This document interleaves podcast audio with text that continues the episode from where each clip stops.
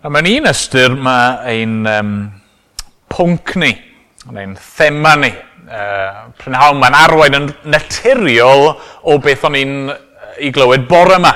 Uh, bore yma o'n i'n meddwl am uh, pwysigrwydd gostyngeidrwydd, heilioni, uh, ddim roi'n hunan gyntaf, roi uh, yn aberthol ac felly wrth i ni feddwl heno am roi, uh, roi tuag at waith diw mae yna beth ddigon naturiol yn hynny, ac eto wrth gwrs, mae'r pwnc yma yn un sensitif.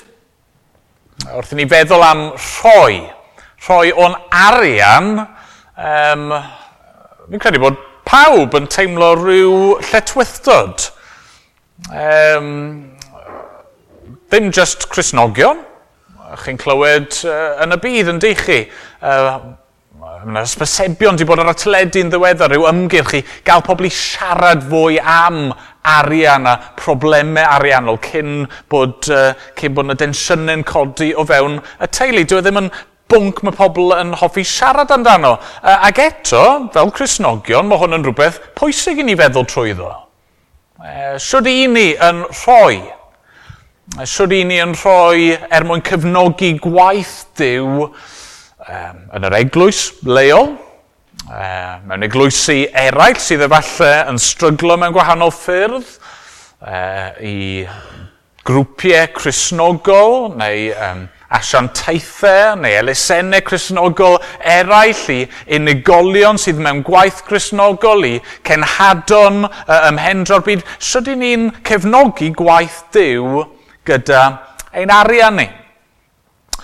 Ac wrth gwrs, mae hwn yn fater sensitif, achos um, mae yna enghreifftiau wedi bod trwy hanes o bobl yn camdrin uh, arian ac um, yn ymddwyn yn dwyllodrus ac uh, ymddwyn yn llwgwr ar drail pobl eraill. Ac, um, ond fi'n gobeithio nawr wrth i ni feddwl edrych ar yr adrannau yma nes i ddarllen yn gynharach, gobeithio byddwn ni'n gweld fan hyn rai pethau bydd yn helpu ni i fynd ac yn bersonol i, i feddwl trwy y mater yma. Gobeithio byddwn ni'n gweld rai egwyddorion. Sa'n mynd i weid wrthoch chi beth i roi a faint i roi na dim byd fel yna, ond mae yna egwyddorion fan hyn. Uh, I ystyried, siwyd i ni yn defnyddio popeth sydd gyda ni, nid jyst ein bywyd a'n doniau ac a, a'n sgyrsiau, ond, ond swn ni'n defnyddio uh, ein arian ni er mwyn cefnogi gwaith yr arglwydd. Na'r peth cyntaf, neu'r egwyddor cyntaf, e, fi'n credu allan ni dynnu allan o'r adrannau yma, yw hyn. E, ni'n rhoi o'r hyn mae Dyw wedi rhoi i ni. Okay? A dyna lle ni'n gorfod dechrau. Dyma beth ni angen cofio i ddechrau. Mae unrhyw beth i ni'n rhoi yn dod o'r hyn mae Dyw wedi roi i ni. Ni wedi clywed eh, galw fan hyn ar y bobl i roi. Eh, roi er mwyn adeiladu y cysig ar y, y tabernacl, pabell y cyfarfod. Ac eh, mae'r pethau sydd angen iddyn nhw roi yn bethau drud Ond Dydyn nhw, maen nhw'n bethau gwerthfawr yn bethau pryn, rai pethau falle'n anghyfarwydd e, i ni. Ni wedi gweld y restr cwpl o weithiau, penod 25 a penod 35. E, be maen nhw fod i roi? Wel, e, air, arian, efydd, sidan glas, porffor ac ysgarlad, lliau'n main, blew geifr, crwy'n hyrddod wedi lliwio'n goch, crwy'n mor fichod, coed ac asia, olew, perlysiau, meini onyx a gemau gwerthfawr. Ac um, bydd y detectives yn ein pleith ni'n meddwl yw hunan, lle o'n nhw'n mynd i gael yr holl beth yma? Yn i'w cofiwch nawr beth yw'r cyd-destun am bwy ni'n sôn. Ni'n sôn am Israeliad sydd wedi bod yn gaethweision yn yr aifft, ac maen nhw wedi dianc, uh, wel, wedi deang, wedi cael ei hachub o'i caethiwyd gan yr arglwydd, wedi dod allan o fod yn gaethweision, maen nhw yno yng nghanol yr anialwch ac yn sydyn y diw yn rhoi y restr siopa hir yma, iddyn nhw, yn hwnna'n anheg. Sut nhw'n mynd i allu roi y pethau yma at waith yr arglwydd? Wel, yr ateb syml yw fod Dyw wedi darparu ar eu cyfer nhw. Wrth iddyn nhw adael yr aifft, falle byddwch chi'n cofio, dyma Dyw yn gosod e ar galonau yr eifftiaid i lwytho'r Israeliad gyda'r hoddion. Oedd yr Israeliad fod i fynd ac i ofyn gan ei meistri am rhywbeth i fynd gyda nhw ar y daith, ac mae'r eifftiaid yn gwneud, yn pentyru nhw gyda pethau wrth iddyn nhw adael. Ond felly chi'n gweld beth sy'n digwydd yn hyn, pan chi'n stopio i feddwl, mae Dyw yn gofyn iddyn nhw i, i roi, i gyfrannu at y gwaith, ond be maen nhw'n rhoi? Wel, yr hyn oedd Dyw wedi ddarparu ar eu cyfer nhw.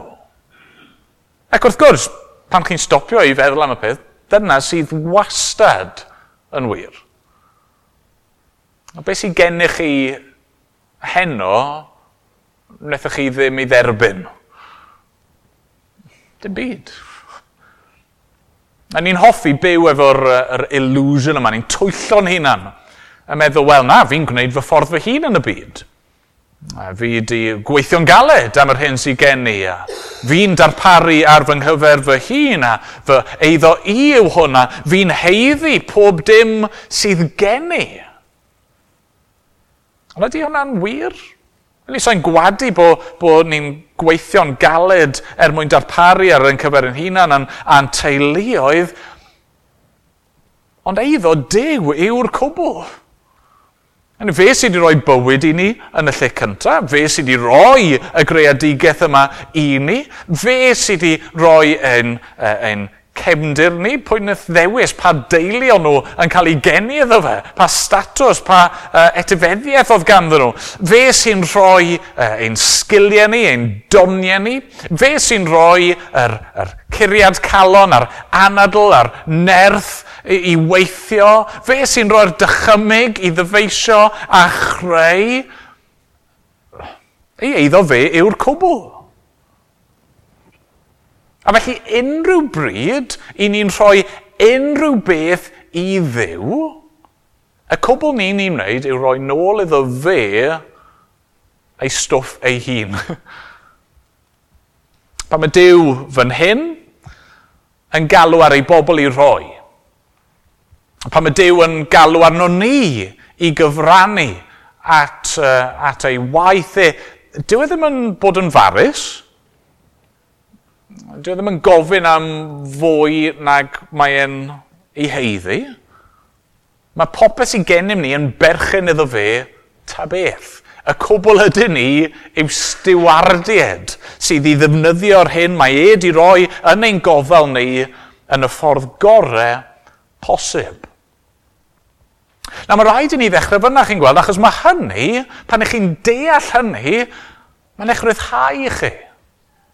Pan eich chi'n stopo meddwl am eich cartre chi a'ch, ach cyfri banc chi a yr hyn sydd yn eich pocedi chi, eich dilla, pob dim arall fel fy stwff i a dechrau meddwl amdano fe fel stwff yr arglwydd, y pethau mae wedi roi yn fy ngofal i dros dro, mae hwnna'n mynd i newid y ffordd i ni'n byw, yn newid y ffordd i ni'n ymddwyn.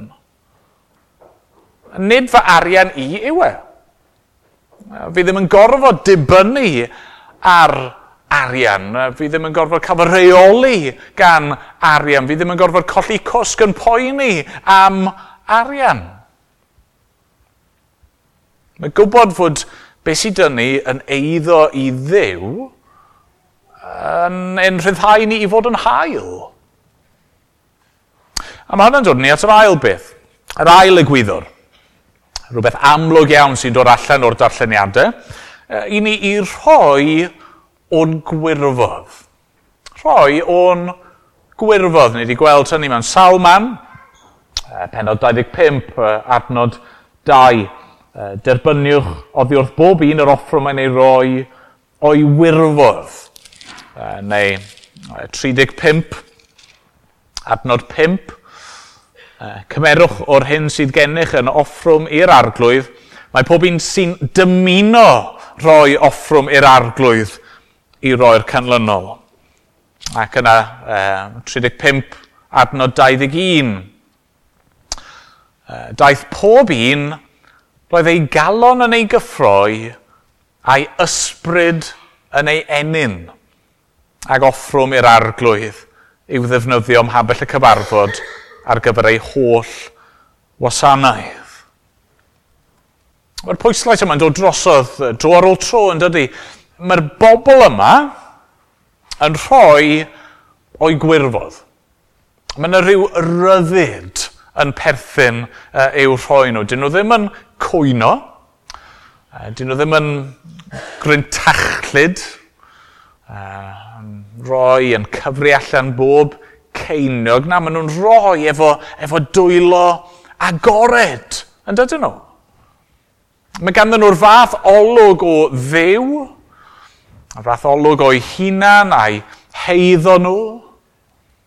Mae ganddyn nhw'r fath olwg o waith yr arglwydd a, a phwysigrwydd yr tabernacl.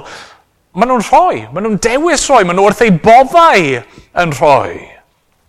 Maen nhw'n gweld cyfrannu fel braint, a dyna yw hi, wrth gwrs. Mae'r ffaith bod ni yn gallu rhoi i'r arglwydd a bod e'n derbyn ein rhoddion ac yn defnyddio ein rhoddion ni ar gyfer cyflawni ei fwriadau fe, mae'n un wych yn dydy. Mae'n bwysig bod ni'n gweld hyn. Yr, er, er pwysigrwydd yma, roi o'n gwirfodd. Mae'n ddiddorol, neu gwen. Um, Pan chi'n ymwneud efo plant, ni eisiau ein plant ni i fod yn gwrtais yn dyn ni. Ac felly o oedran ifanc ni'n uh, uh, yn pwysleisio, mae eisiau ti weid please, mae eisiau ti weid diolch, mae eisiau ti rannu, mae eisiau ti roi, mae eisiau ti fod yn hael, ni'n annog e i eraill yn dyn ni. Ac um, os nag nhw'n dewis gwneud, ni'n fforso nhw i wneud. Ni'n mynnu bod nhw'n gweud please. Ni'n mynnu bod nhw'n gweud diolch. Ni'n mynnu bod nhw'n rhannu gyda'i brawd neu chwaer neu pwy bynnag sydd heb. Ond mae yna rhywbeth gwych yn does pan mae plentyn yn gwneud e o'i gwirfodd. Pan chi ddim gorfod gofyn, pan chi ddim yn gorfod dweud dim byd, pan maen nhw just yn dweud, o, oh, diolch, please neu jyst yn cynnig rhywbeth, neu jyst yn dod ac, ac yn rhoi coflau, neu rhoi cusan, neu, neu'n dweud rhywbeth braf. Chi, chi wrth eich bodd, ynddi chi? Pam? Yr un peth maen nhw wedi wneud, os chi'n fforso nhw i wneud e, neu os maen nhw jyst i dewis gwneud ys dim gwahaniaeth, ond mae yna wahaniaeth wrth gwrs. Y gwahaniaeth yw bod nhw wedi dewis gwneud e. Maen nhw wedi gwneud e o'i gwirfodd. Mae yna ysbryd hyfryd yna yn does. Dyna mae Paul yn ei ddweud. Ail Corinthiad penod 9, e chwech a saith mae'n dweud, cofiwch hyn, a heion bryn a fed yn bryn, a heion hael a fed yn hael. Rhaid i bawb roi o wirfodd ei galon, nid o anfodd neu o raid, oherwydd roddwr llawen mae Dyw yn ei garu. Um, Saesneg, the Lord loves a cheerful giver. Yr arglwydd wrth i fodd, pan mae blant yn dod ato fe ac uh, yn cymryd yr, yr ychydig falle sydd ganddyn nhw ac yn ei gynnig e, uh, iddo fe. Dylse fod rhywbeth yno ni sydd eisiau rhoi at waith Dyw. A pan ni'n ystyried pwy yw yr arglwydd, e, pan ni'n ni, um, yn cofio cymaint mae wedi wneud trosto ni, pan ni'n cofio ei gariad e yn rhoi ei fab ei hun yn aberth trosto ni. Dylse fod rhywbeth yn, yn yn ysgogi ni yn calon ni'n cael ei cyffroi, i roi, o oh, ie, yeah, ie, yeah, fi eisiau cymnogi hyn. Ni eisiau gweld enw Dyw yn cael ei ogoneddu. Ni'n gweld bywyd yr eglwys a gweinidogaeth yr eglwys fel rhywbeth gwerthfa, rhywbeth sydd angen i gyfnogi. Ni'n gweld yr angen o'n cwmpas ni mor fawr a, a ni eisiau trio cwrdd ar angen yna.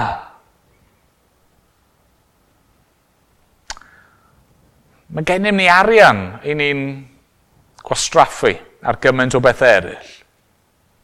Faint am fwy dylsyn ni fod eisiau rhoi at hyn, rhoi iddo fe. Felly ni roi o'n gwirfodd yn yr ail egwyddor. Ond, mis ni gyd bwyso hynny, chydig bach, ar y trydydd egwyddor sy'n codi, yw hyn, i ni'n rhoi fel dyletswydd da ni'n rhoi fel dyletswydd. Mae yna gyfrifoldeb arno ni i rhoi. Ond y perygl yn dyfew, pan ni'n pwysleisio rhoi o'n gwirfodd sydd yn bwysig, uh, gallwn ni gael ein temtio i feddwl, wel, na fe, uh, os fi eisiau rhoi, na i wneud, sa eisiau rhoi, felly stem ot. Ond mae yna ddyletswydd.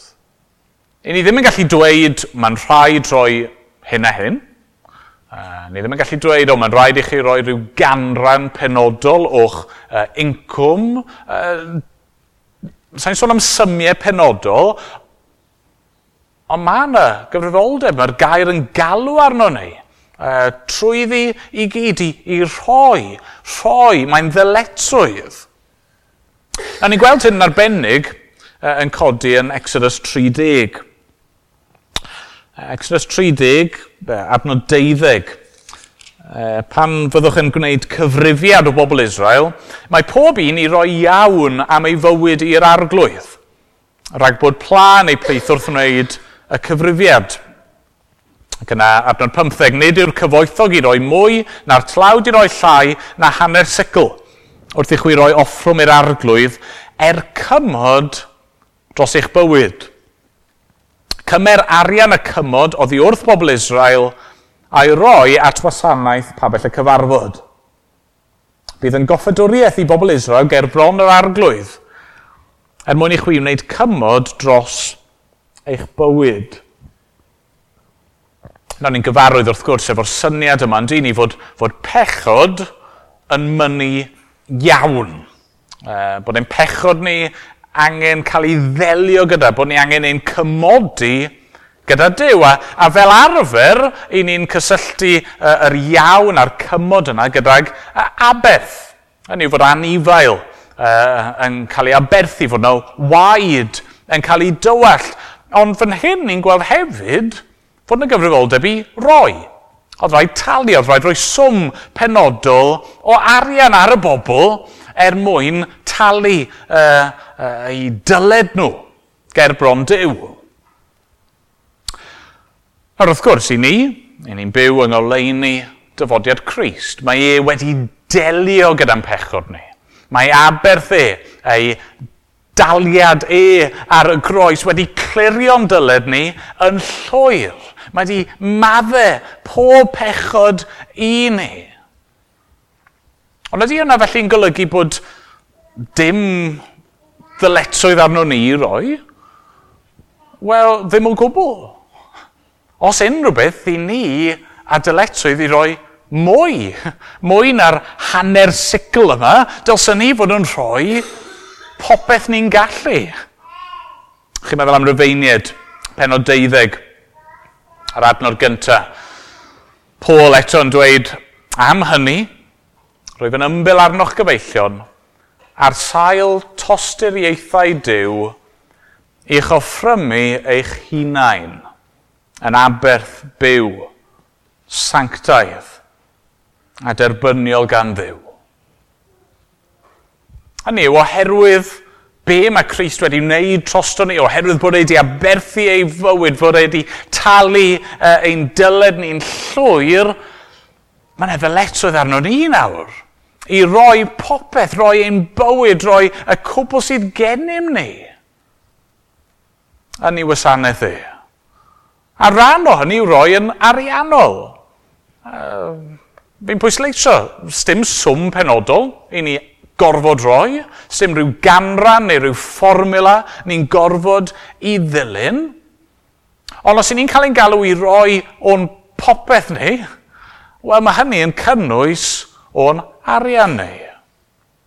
Eisiau ni roi, roi uh, yn ôl ein gallu ni. Roi uh, ergogoniant i ddew, a dyma'r egwyddor ola. Ni'n roi yn hael ergogoniant i ddew. Mae'n drawiadol yn dydi, erbyn ni gyrraedd uh, well, penod 36. Mae Moses yn gorfod dweud wrth y bobl i stopio roi. Na'r feddwl yn dydy. Uh, adnod 5, hmm, dyma yr adeiladwr yn dweud wrth Moses, mae'r bobl yn dod â mwy na digon ar gyfer y gwaith a orchmynodd yr arglwydd i ni wneud. Felly roddodd Moses o'r chymyn a chyhoeddwyd drwy'r gwersyll nad oedd na gŵr na graig i gyfrannu dim rhagor at offrwm y cysygr. Mae'r geiriau yna yn diogelu ni, rhag uh, manteisio ar heilio ni, a rhag uh, uh, yeah, cymryd arian yn ddiangen gan bobl uh, sydd sydd ei angen e. Os nag oes rhywbeth uh, i uh, gyfrannu yn benodol tuag ato fo, ond, ond beth ni'n ni, be ni gweld fan hyn? Heilion ni.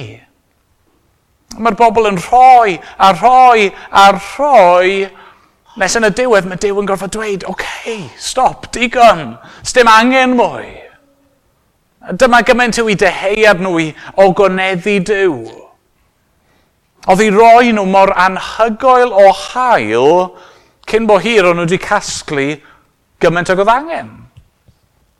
Ac yna, ddech chi'r restr yna ym hen o 38, yr er, uh, air a'r arian a'r pres a'r ffordd mae'r e, uh, deunyddiau hynny'n cael ei defnyddio i ogoneddu Dyw. A na'r pwynt yn dyfa. E, mae'r pethau mae i gyd, yr rhoddion yma i gyd, dyn nhw ddim er mwyn ennill cariad Dyw, mae Dyw eisiau bod gyda'i bobl. Ond mae'r rhoddion yma'n yn gogoneddu Dyw. Maen nhw'n dweud i ni eisiau iddo fe i gael y gorau. Dyma mae e yn ei heiddi. Mae eisiau ni roi yn hael er gogoniant i ddew. Nawr mae'n sefyllfaoedd ni gyd yn wahanol yma, uh, prynhawn yma. Uh, chi'n cofio am y hanes uh, lle mae Iesu yn, yn gweld hen raig Ac mae hi'n rhoi dwy geiniog yn dyddi yn y casgliad. Be mae Iesu'n dweud amdani? Wel, mae'n dweud bod hon wedi rhoi mwy na phawb arall. Sut? Sut yn y byd gall hi fod wedi rhoi mwy na phawb arall? Wel, oherwydd bod hi wedi rhoi yn hael. Er gogoniant i ddew. Mae wedi rhoi o'i thlodi. Mae di roi o'r ychydig oedd ganddi, mae di mynd dros ben llestri a am ei bod hi mor awyddus i ogoneddu yr arglwydd. A mae'r un galwad arno ni. Mae gwaith diw, diolch iddo, yn mynd yn ei flan. A bydd gwaith diw yn mynd yn ei flan hebddo ni. Dwi Dyw ddim angen ni. Bydd diw yn cyflawni fwriadau heb yn arian ni, heb yn ymdrechion ni, um, dwi ddim angen ni, dwi ddim yn ddibynnol arno ni. Ond diolch iddo fe, mae'n ein cynnwys ni. A mae eisiau ni fod yn rhan o'r gwaith. A, a mae wedi darparu ar ein cyfer ni. Ac uh, mae'n galw arno ni i roi, roi o'n gwirfodd, roi uh, wrth weld ein dyletswydd ni uh, i'r gwaith yma. A roi ergogoniant iddo fe. A diolch iddo, mae fe'n dal i allu cymryd yr, yr ychydig yna i ni'n ei roi a defnyddio fe er gogoniant yw enw e. Amen.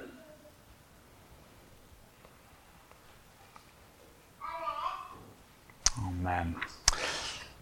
Wel i orffen, ni'n mynd i gannu rhif 200, 18 yn y llyfr ymynau. 2, 1, 8. Oll fel yr oif, heb ddadl i'w ddwyn, ond i ti farw er fy mwyn. A fod yn galw arna'n fwyn. Rwy'n dyfod addfwyn oen. Ac ymlaen, o'n i sefyll i ganu.